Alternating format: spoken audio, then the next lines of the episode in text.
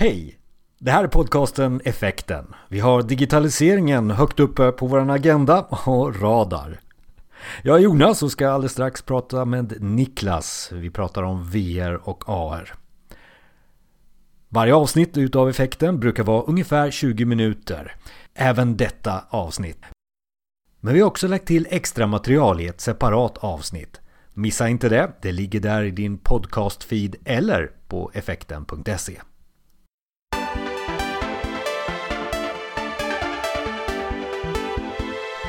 Välkommen då till Effekten, ett eh, avsnitt som eh, befinner sig i den andra verkligheten, AR och VR.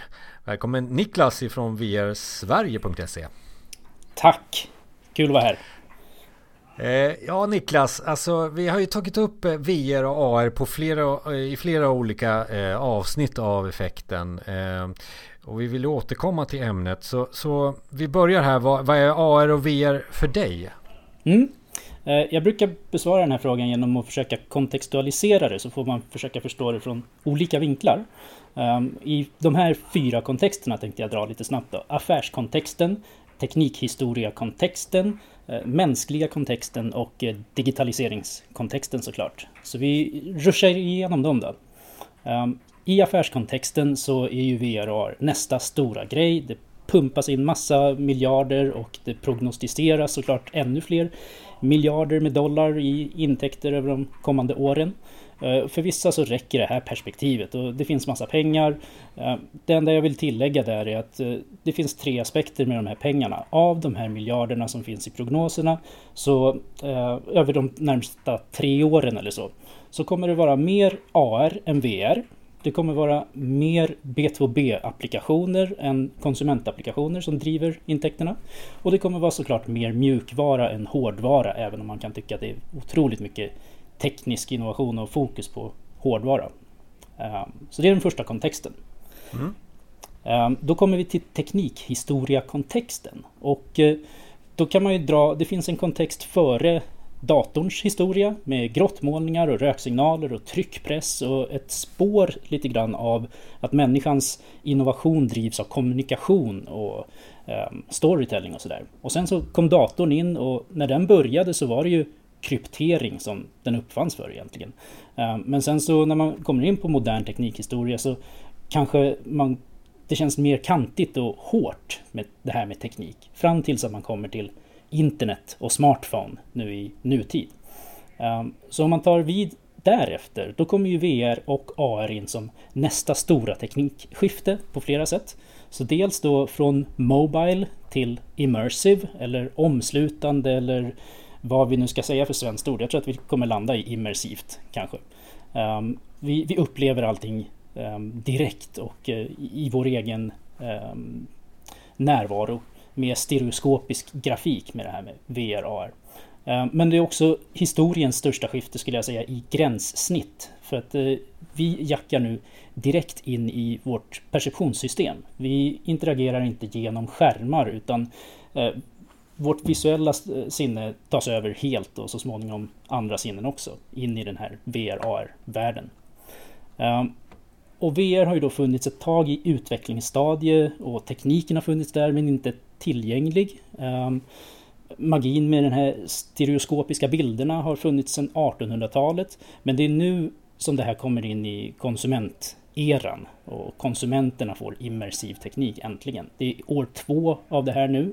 Så vi är otroligt tidiga. Ehm, man kan fråga sig vad gjorde vi år två med internet? Ehm, vad gjorde vi år två med iPhone? Det fanns väl knappt copy-paste, knappt en App Store och så vidare. Så det finns vi är otroligt tidiga i teknikperspektivet. Um, mänskliga kontexten um, perspektivet då. VR och AR gör oss mer empatiska. Um, man pratar om att eh, VR är empatimaskinen, eh, som Chris Milk säger i en jättebra TED-presentation.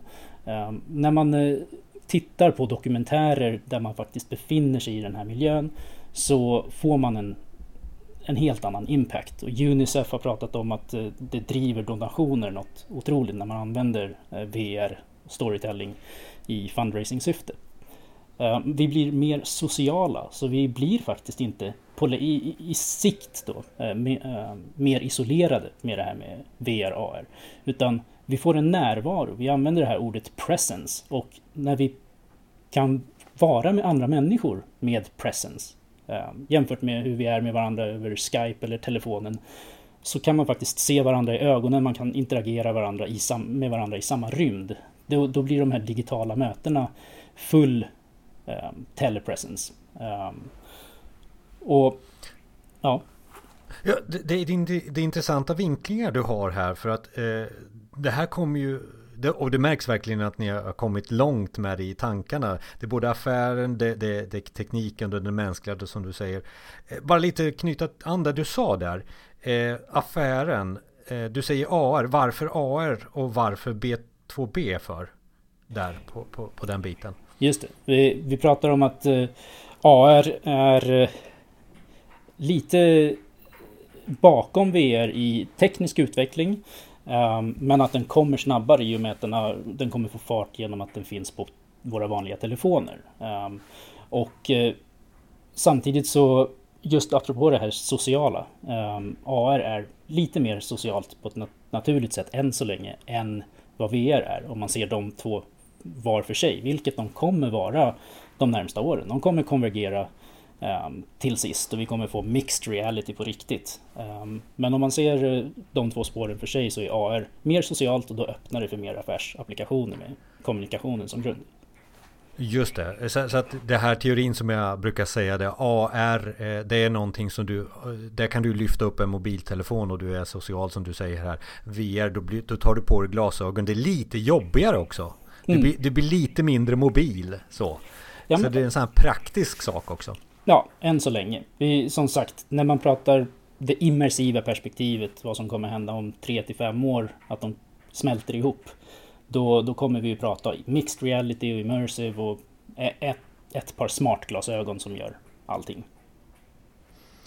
Och sen så, så, så, så, är det ju så att vi hela tiden, du sa ju det under eh, där teknikhistorien, där teknikskiftet, eh, vi vill ju hela tiden framåt, framåt, framåt. Så den drivkraften kommer ju också agera eh, i, i det här som jag förstår dig säga.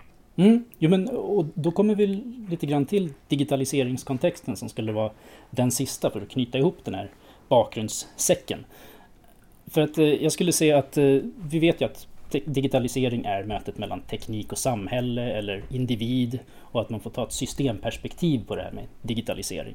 Eh, men man har ju inte alltid ett systemperspektiv på tekniken utanför internet. Att internet är ett system i sig eh, och digitalisering är oftast i förhållande till internet. Men nu har vi förhållit oss till internet i 20 år eh, I offentlig sektor eller stora institutioner så kan det ta längre tid än så att få grepp om det här ordentligt. Men nu har vi ju andra emergenta te teknologier um, som kommer som nästa steg efter internet eller påbyggs på internet. Um, så ska det då ta längre tid att digitaliseras eller kan de här jobba tillsammans så kan vi få lite synergier med de här nya teknikerna. Um, och då, då, är det de här fem uh, komponenterna som kommer in tillsammans där VR och AR spelar en roll.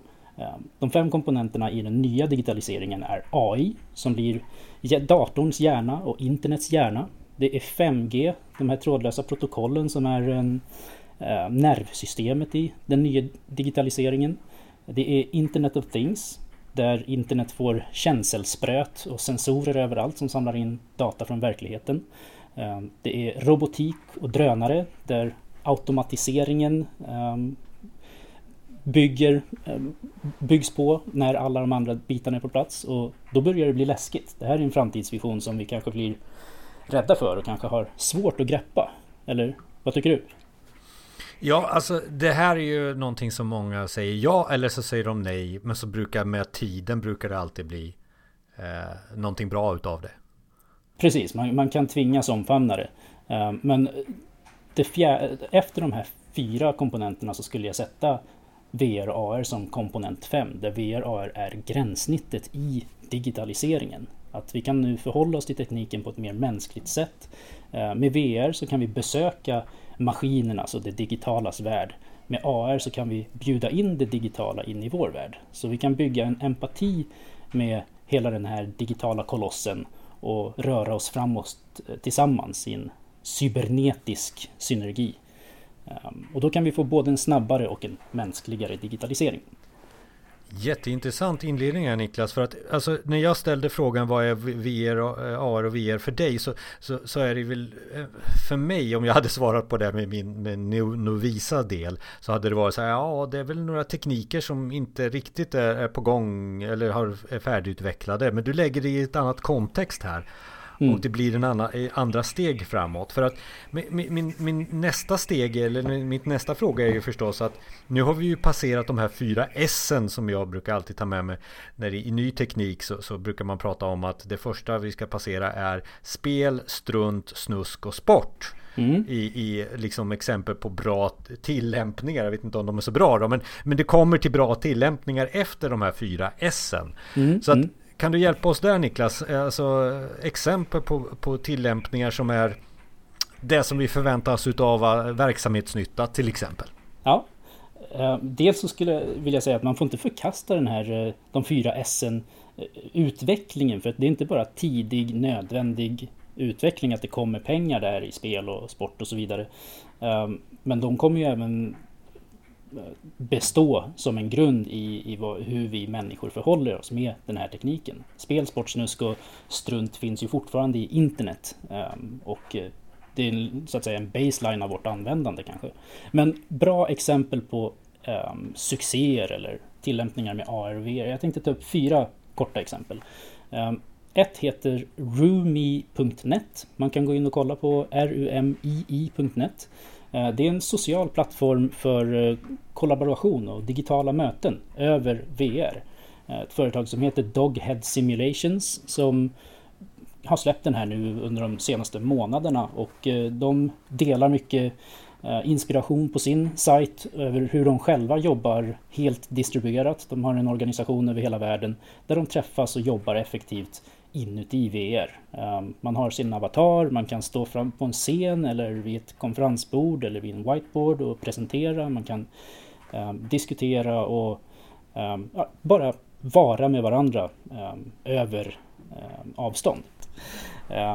Sen så har vi ett exempel som heter Walk Again-projektet och eh, det här brukar jag ta upp bara för att ge känning av vilken impact på mänskligheten det här med VR eh, kommer ge. För att eh, eh, det här var en studie som publicerades förra året, resultat ifrån, och publicerades överallt.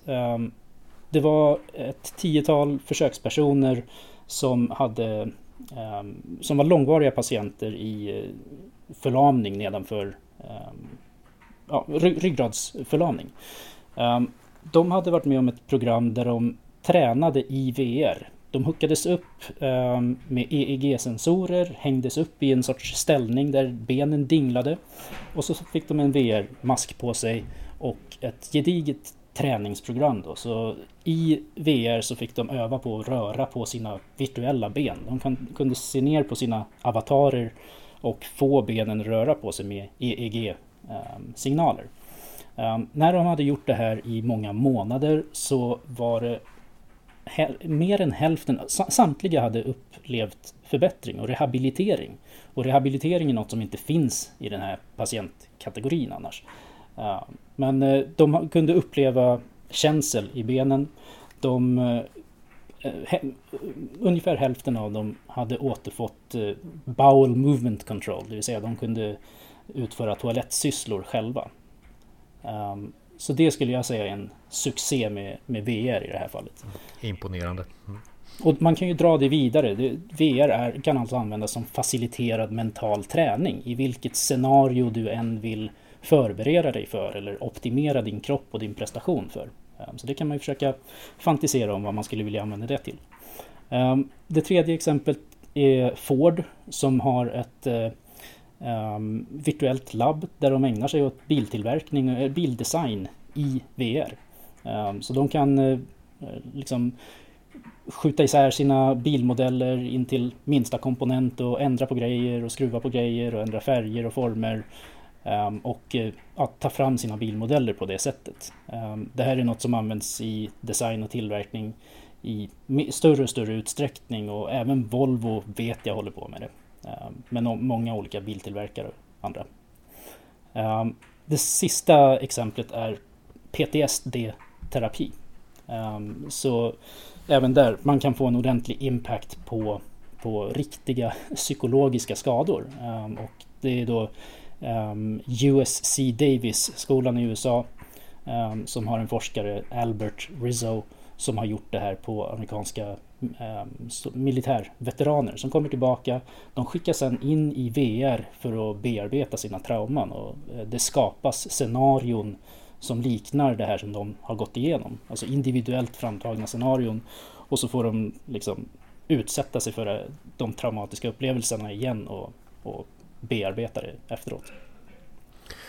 Konkreta exempel där i sjukvården är ju, eh, där hör jag ju nu direkt här på exemplen och där finns det ju oerhörda möjligheter att lura, lura hjärnan till det positiva igen. Det är lite det av de exemplen du, du, du nämner här. Ja, vi har ju en, eh, bland skribentteamet på vrsverige.se så har vi ju Almira Osmanovic eh, Tunström som är tidigare forskare, neuro, um, neuropsykolog på Karolinska. Så hon har skrivit en del om eh, sådana framgångar och studier. Så att man kan verkligen förkovra sig i det. Det här med att ta de här exemplen eh, vidare i, i, verksamheten, i sin egen verksamhet. Eh, nu när man har insett att VR är framtiden. Eh, hur, hur, hur, ska jag lyckas här för att ta mig framåt med, med VR och AR? För att nu har man, ja Niklas ger mig jättebra exempel här men för oss som håller på med webbshop, vad, vad, ska det göra? Vad ska jag göra med VR i framtiden? Mm. Eller vad det nu är för någon verksamhet. Hur tar jag mm. mig inåt här i, i, i de här områdena? Ja, det första är att man som beslutsfattare i organisationen men också som slutanvändare i en organisation av vilket slag som helst att man får testa olika grejer som finns. Ehm, det, idag så är ju utrustningen ganska så lättillgänglig. Visst, den kan kosta en del i inköp. Man kan ju um, få en demo av eh, andra personer som besöker ens organisation. Um, men uh, att man verkligen uh, tar en uh, ger sig själv en kalldusch av insikter i hur långt vi har kommit. Ehm, att eh, testa de här grejerna själv. Inte bara spel, utan eh, flyg upp i, runt jorden i Google Earth, gå in i olika sådana här nyttoapplikationer och sociala plattformar och eh, bara få en mind-blowing experience. För det kommer vara en gnista till förändring. Det är lite kittla din innovation som, som någon form av affärsutveckling också. Ja, det, man kan ju göra det som en, eh, som en kul inspirationsinjektion eller en kul aktivitet för ett team. Ehm, eller ännu mer liksom, syftesinriktat än så. Men eh, absolut, det första steget är att testa och eh, man kommer att få idéer bara av det. Ehm, nästa steg är sen ganska, sen, på ganska sedvanligt sätt vidare i processen. Man får workshoppa, man får sätta sig ner i en beslutsgrupp eller en projektgrupp eller en ledningsgrupp och ägna sig åt ideation, diskussion. Man får vädra sina reflektioner efter att man har testat de här grejerna och försöka konkretisera det till um, steg framåt. Eh, det tredje, eller kanske det första i alla fall, är att sätta affärsmålen. Vilka delar av verksamheten och vilka effekter vill man uppnå um, med den här grejen? Um, och VRAR kan ju användas i ja, alla led egentligen. Från kundbemötande till till lagersortering och ja, så att man, man, väljer en punkt att börja i. Och sen så slutligen allokera resurser. Eh, hitta utvecklare externt om det behövs eller eh, ta tag i evangelister som vill driva det här internt och um, sätt igång. Um, iterera, utveckla som vilket eh, förbättrings förändringsprojekt som helst. Jag tyckte just att säga det. Det, det egentligen du, du, du har det, det du nämner egentligen de traditionella stegen för att komma in till en affärsutveckling. Men att det första steget kan vara lite mera inspirationssteg mm. in till affärsutvecklingen av en ny teknik. Precis, man, man får bara välja att rikta den här um, affärsutvecklingen åt ett lite mer specifikt håll. Den här specifika tekniken från början. Och vi vet ju att innovation föds ur constraints, eller hur? Ja, precis. Eh, jag har bara, det, det, är en fråga där jag har tekniken, alltså eh, du pratar om utveckling och sådär. Eh, om vi zoomar in där bara på teknik. Är den svår? Eh, är den mogen? Behöver jag mycket programmeringskraft? Behöver jag mycket hårdvara? Alltså så. Det, det, finns otroligt låga trösklar in i det. Sen så kan man ju göra det såklart så, med så stor budget som man vill. Men um, det finns egentligen två spår i utvecklingen av VR upplevelser och i viss mån AR. Um, ehm, filmbaserat, alltså att man kan sätta igång med 360 dokumentation som ett spår. Och det kan också väcka en massa nya perspektiv. Um, och såklart datorgrafik och liksom eh, digitala miljöer som kanske de flesta vill röra sig åt eh, så småningom.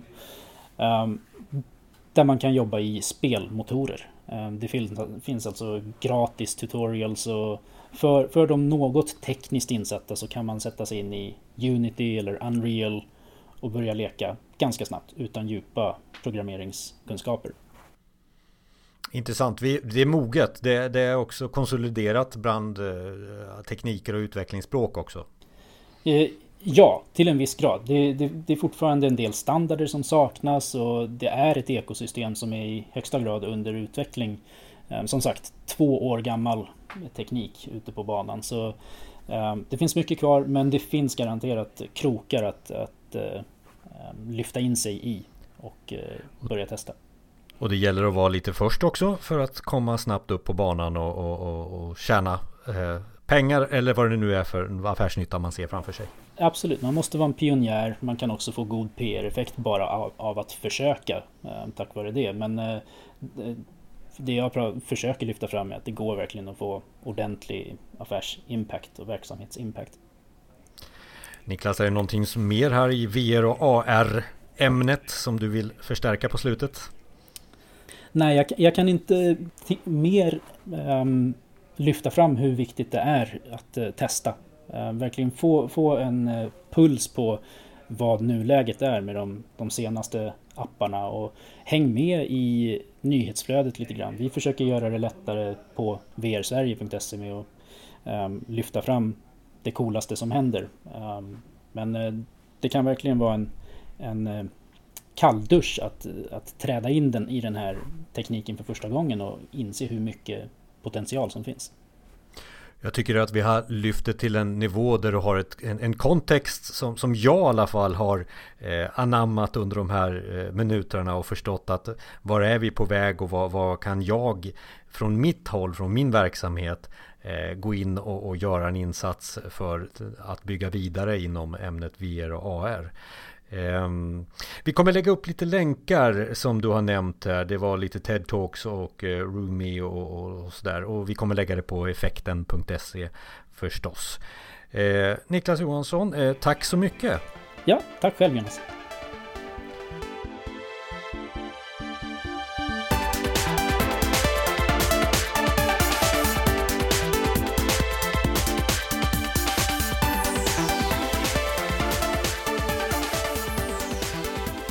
Till det här avsnittet finns det extra material. Vi pratar mer med Niklas om till exempel AR-kit och AR-core och vad är nästa stora spel efter Pokémon Go? Avsnittet finns på effekten.se eller eh, det efterföljande avsnittet i din podcast-feed.